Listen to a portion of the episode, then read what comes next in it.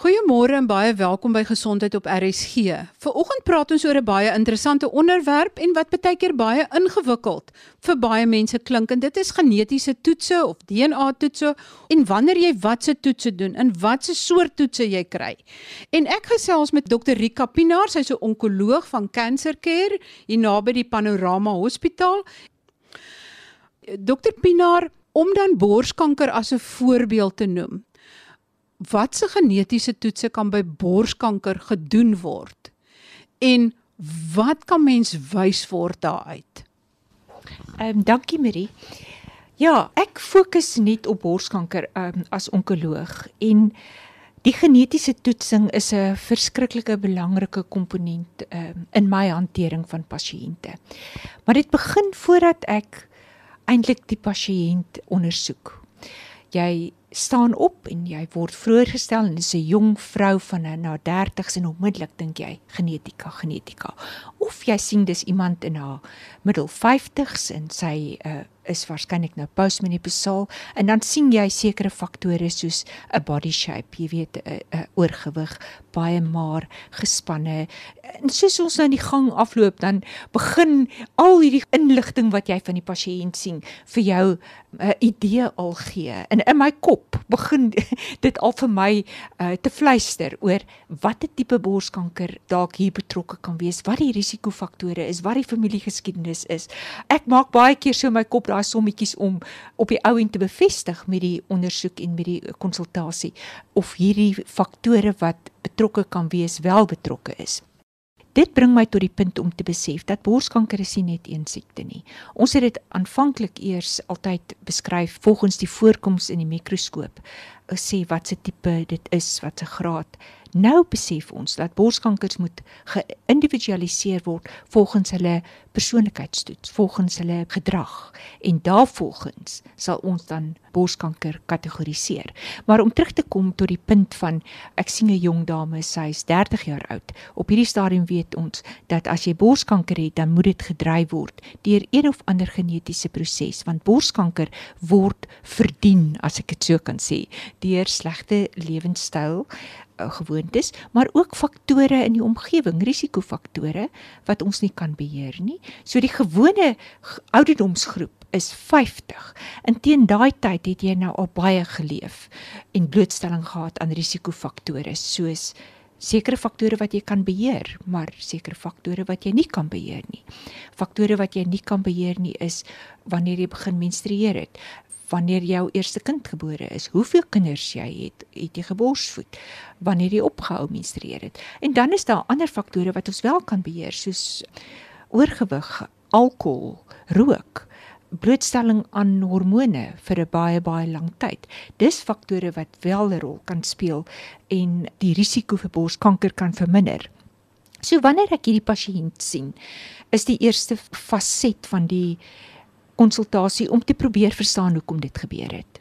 En dit sal dan nou wees of 'n genetiese proses of 'n kombinasie van lewensgebeure en risikofaktore in die omgewing wat bygedra het. As ons na die genetiese toetsing gaan en dit is nou die harde genetika van is hier 'n borskanker geen teenwoordig BRCA1 en 2. Uh, Daar's ander gene ook wat ons kan toets, maar om net beter te verstaan as ek so 'n jong vrou het, is dit 'n baie baie belangrike vraag om te vra. So jy gaan kyk na die familiegeskiedenis, is daar meer as een geslag wat aangetast is, die ma, die ouma en nou sy of 'n sussie of 'n ma of die tannies, maar jy kry 'n baie sterk beeld van die teenwoordigheid van kanker in daai familie en dan word daar 'n toets gedoen. Ons noem dit die in vitro. Voorheen was genetiese toetse baie duur geweest en ons moes baie beperk wees want die toetse om na borskanker geen te gaan soek het uh, omtrent hier 16 20000 rand gekos. En daarom het ons aanvanklik net eers die die mees algemeenste gene wat met die Franse hugenote Suid-Afrika toe gekom het, daai founder mutasies, die Afrikaner founder mutasies of die Jewish founder mutasies getoets. En dit was meer goedkoop, dit was nou 2 tot 3000 rand, maar ons het maar net 6 of 7 gene getoets op 'n spektrum van duisende gene. So die toetse was baie onakkuraat. En nou het ons 'n paneel waar ons weet watter areas van die kromosoom dra die potensiële plekke waar foute kan insluip wat lei tot kanker of dan borskanker. So nou kan ons 'n paneel van 80 gene kies. Dit kos nie uh, baie nie, so 4 4.500 rand en dit gee ons 'n baie baie goeie en baie akkurate antwoord in terme van is hier 'n genetiese proses? Is hierdie kind gebore met 'n geen van die pa of van die ma? Onthou die pa kan ook daai geen dra. Baie keer is die pa net 'n quiet uh, carrier. Met ander woorde, die mans word nie siek nie, maar die mans kan ook siek raak. BRCA1 uh, sal nie die mans siek maak nie, net die vrouens in die familie kry kanker. Daar's 'n geringe verhoogde uh, insidensie van prostaatkarsinoom, maar as jy kyk na BRCA2, dan kry die mans ook borskanker. En daar's ander kankers ook in hierdie familie. Kolon, pankreas, uh, ovariële karsinoom en so aan. So die gene BRCA1 of BRCA2 is eintlik nie net borskankergene nie. Wat dit is, die proteïen wat moet skoonmaak wat abnormale selle moet van skoonmaak en van ontslaa raak werk nie. So eintlik is dit 'n cancer suppressor gene wat nie werk nie. So as jy iets verkeerd doen, het jou liggaam nie die vermoë om daai kanker te onderdruk nie. En dis hoekom hierdie pasiënte so vroeg presenteer. By hulle is lewenstyl nie so belangrik nie, want dit dis amper onafhanklik in hierdie jong pasiënte van lewenstyl want hulle word gebore met 'n onvermoë om 'n kanker te onderdruk. En in 'n jong vrou is die borsweefsel, die menstruele siklus, dis baie aktiewe selle en daar vind gedurig verdelings plaas en dis hoekom dit op die ou end in daai spesifieke groep algemeen in die in die bors voorkom of in die ovariële area. En soos die vrouens ouer raak, skakel jou hormone af en hierdie selomset in die borste en in ovaria word al hoe minder. En nou kry hulle risiko vir pankreaskarsinoom of vir uh, galblaaskarsinoom of vir kolonkarsinoom want dis nou waar die risiko verplaas word volgens 'n uh, lewenstyl en gebeure.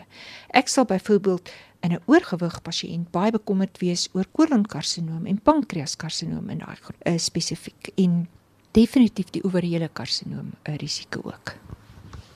Dis die eerste deel van die uh, genetiese toetse waar ons 'n dominante high penetration tipe van gene gaan soek soos BRCA1 en 2 wat sê as jy hierdie probleem in jou genetika het, het jy 'n hoër risiko vir borskanker, maar ook 'n hoër risiko vir ander kankers.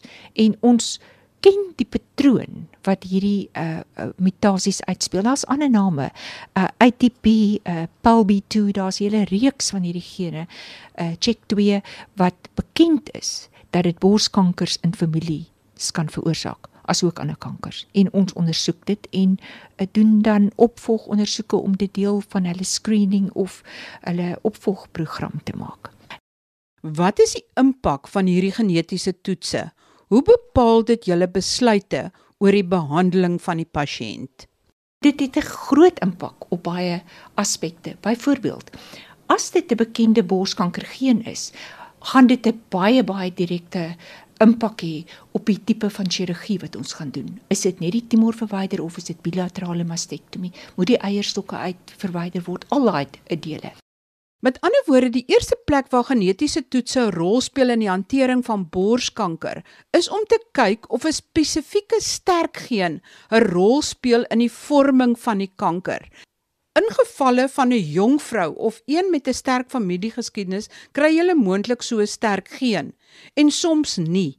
Wat is dan die volgende stap in genetiese toetsing? Die volgende toets wat ons dan nou doen is sê byvoorbeeld ons het nou nie 'n BRCA1 of 2 of 'n borskankergeen of 'n hoë penetrasie kankergeen gekry nie. En hier is hierdie pasiënt nou besef ons dis nou 'n kombinasie van uh, gene of 'n predisposisie of 'n geneigtheid tot 'n sekere siekte of kanker. En daar moes in die omgewing 'n veelvuldige kere blootstelling aan verskillende risikofaktore moet wees om hierdie geen amper aan te skakel om nou die probleem te veroorsaak. Want 'n geen is 'n proteïen wat 'n werk moet doen. So of hy is 'n suppressor geen en hy werk nie of hy veroorsaak skade as hy aangeskakel word en veroorsaak sekere siektes omdat die werking benadeel is. So in hierdie groep van genetiese toetsing is daar twee komponente. Ons sal dit gebruik om te probeer verstaan hoekom het hierdie wat ons noem sporadies, daar's nie 'n geen nie, hoekom het hierdie sporadiese kanker gebeur? Is daar iets in die omgewing of die dieet, jou vraag, wat ons kan identifiseer wat bygedra het tot hierdie verhoogde risiko? Is dit alkoholgebruik of is is dit MNSOD wat sê stres maak jou siek?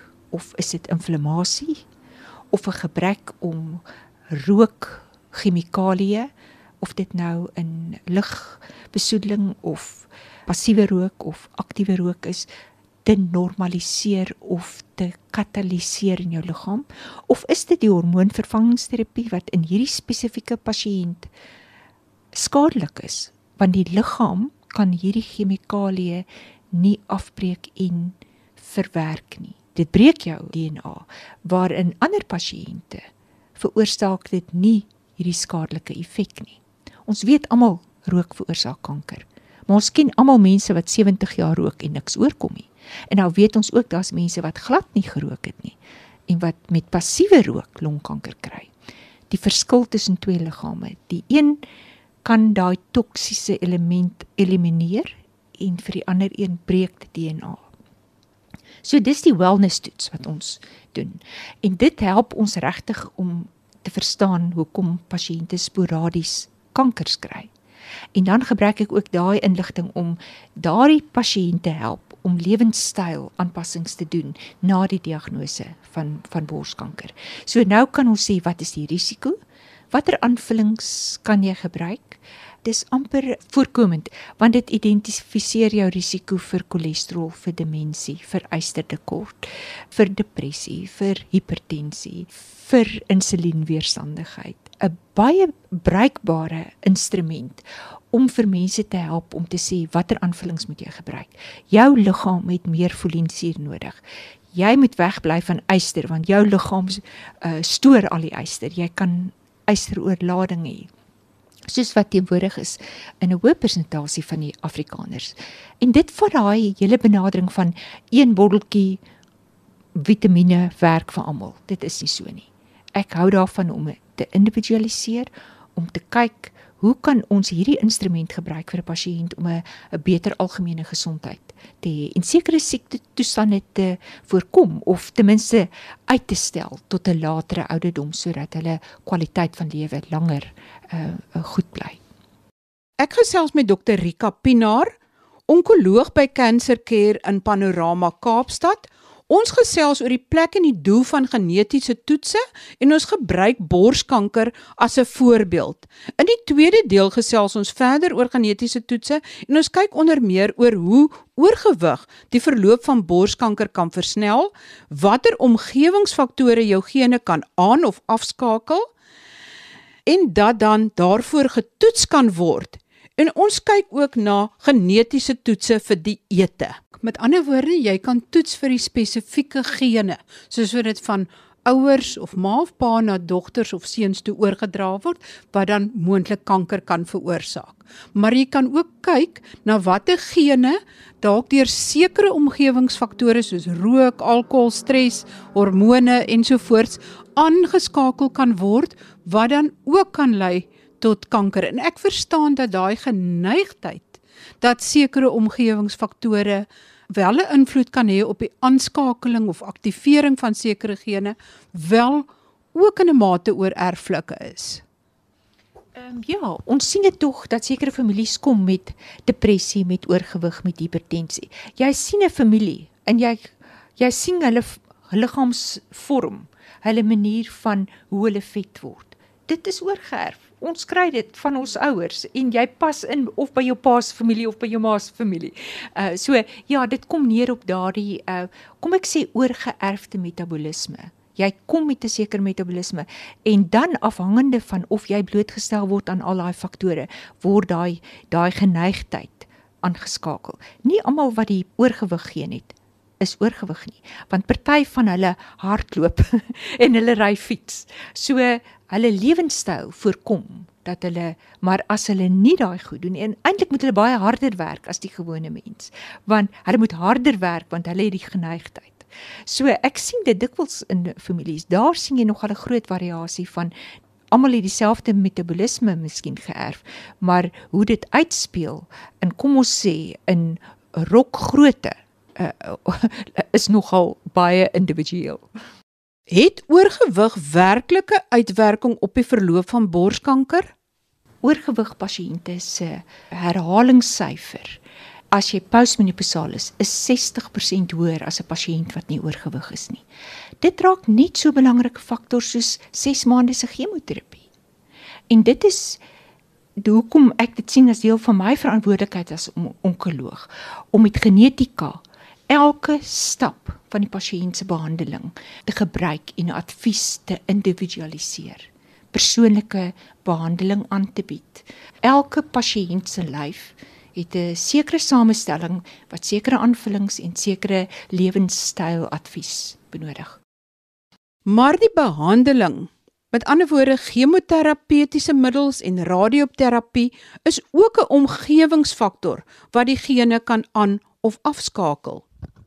Daar is ook mutasies, kom ons sê dan 'n geen wat nie werk nie. Wat beteken dat kankerbehandeling is uiters toksies vir hierdie pasiënte. So daai groep pasiënte dis 'n beskadiging as jy net chemoterapie onnadenkend of radioterapie net onnadenkend voorskryf. So dis die tweede faset waar toksisiteit van behandeling 'n verskriklike belangrike rol speel in die behandelingsplan vir die pasiënt oor tyd het ons besef dat as ons medikasie gee algemeen een soos tamoxifen die metabolisme wat jou liggaam doen met daai middel bepaal of dit 'n aktiewe behandeling is en of hy sekere neeweffekte gaan gee en sekere toksisiteit. En jou familie kan 'n hoë risiko hê vir bloedklonte waar tamoxifen nou bydra kan lewer. En as jy nie met die sterk gene toets of die omgewingsfaktor leefstyl toets die antwoorde vind wat jy soek nie, is daar dan nog opsies? Kan jy nie dalk nuwe geenmutasies opspoor wat in die toekoms mense kan help nie? Die laaste scenario, genetika in 'n navorsingshoedanigheid. So as ons nou nie die hoë penetrasie gene gekry het nie en ons het selfs die uh, swakker metabolisme gene probeer toets om te verstaan hoekom hierdie pasiënt en hierdie familie so hoë insidensie van borskanker het en ons kan niks vind op hierdie bestaande toetse nie. In daai uh, groep sal ons die pasiënt toestemming vra om verdere navorsing te doen. Verkieslik sal ons meer as een familielid wil hê wat steeds lewend is met borskanker sodat ons kyk watse ooreenkomste is daar in hierdie familie in die groep wat kanker gekry het en die deel van die familie wat nie borskanker gekry het nie. En op daai manier as ons daai hele kromosoom, die hele exon, ons noem dit die WES, die whole exon sequencing toets doen en daai nuwe beskrywings kan doen is dit 'n bydra tot navorsing sodat ons in die toekoms meer en meer kan verstaan watter gene nog betrokke mag wees. Die veld bly uh, vergroot. Elke jaar is daar meer en meer publikasies wat hierdie bydraende genetiese veranderinge optel in die uh, pasiënte en wat bykom as moontlike uh, veroorsakend tot siekte. So ons doen dit saam met die Universiteit Stellenbosch saam met uh, professor Marita Kotse en dis 'n baie interessante en baie dinamiese veld uh, vir my dis nie net die persoon, die mense gene wat jy toets nie. Jy toets ook die genetiese samestelling of die DNA van die kankerselle. Vertel vir ons meer daarvan en wat vertel dit vir julle? Ja, dis ook 'n baie onvinnige ontwikkelende veld. In die ou tyd voorheen het ons altyd die kankerselle deur die mikroskoop beskou en dan het ons gesê okay dis in die melkbuisies of dis in die melkkliertjies en volgens dit word dit nou verdeel in lobulêr of buiskarsinoom. En dan sal ons sê weet jy hy lyk baie na aan 'n borsel so hy is goody goody as ek dit so kan sê dis 'n graad 1 of hy lyk baie abnormaal en dis nou 'n graad 3 en is 'n meer aggressiewe sel. En dan kan ons gekyk het na reseptore en volgens dit het ons dan die borskankers verdeel op hulle voorkoms. En dan ook die stadiums het ons gebruik en ons het gesê hier is 'n tumor en hy's so groot en hy het soveel kliere so aangetast so dit moet 'n baie aggressiewe kanker wees so hy moet chemo kry wat ons geweet het ons is besig om 50% van die pasiënte heeltemal verkeerd te behandel. Um in terme van oorbehandeling omtrent 30 tot 40% het te veel chemo gekry en daar's 'n groep van hierdie uh, tumore wat klein was sonder klieraantasting wat eintlik aggressief was en wat onderbehandel is. So die hele konsep van om te kyk na 'n tumor deur 'n mikroskoop wat al oor die 100 jaar oud is en volgens dit behandel is eintlik baie argaïs. Maar daar is sekere fasette van om deur 'n mikroskoop te kyk wat heeltemal korrek is. As ek en jy vir mekaar kyk, is daar sekere indrukke wat reg is En kom ons sê daar's so 30% van indrukke wat jy nie kan kry met eerste indrukke nie. Sekere eh, gedrag wat jy nie kan optel nie. En dis wat die genetika doen. Genetika gaan kyk eerstens verdeel dit die borskankers nou in 4 groepe en dit dis nie so sterk geassosieer met die voorkoms nie maar eerder met die gedrag laaggraads hoëgraads risiko en dan weet ons ook dat sekere tipes soos die triple negatiefes of die fish positiefes op sekere maniere optree in terme van wanneer dit metastateer en waarheen dit gaan. So ons gebruik hierdie genetiese toetsing om vir ons hierdie personality types te gee van borskanker, maar dit dis nog 'n baie duur toets en dit word nie algemeen gebruik nie maar dit kan gedoen word.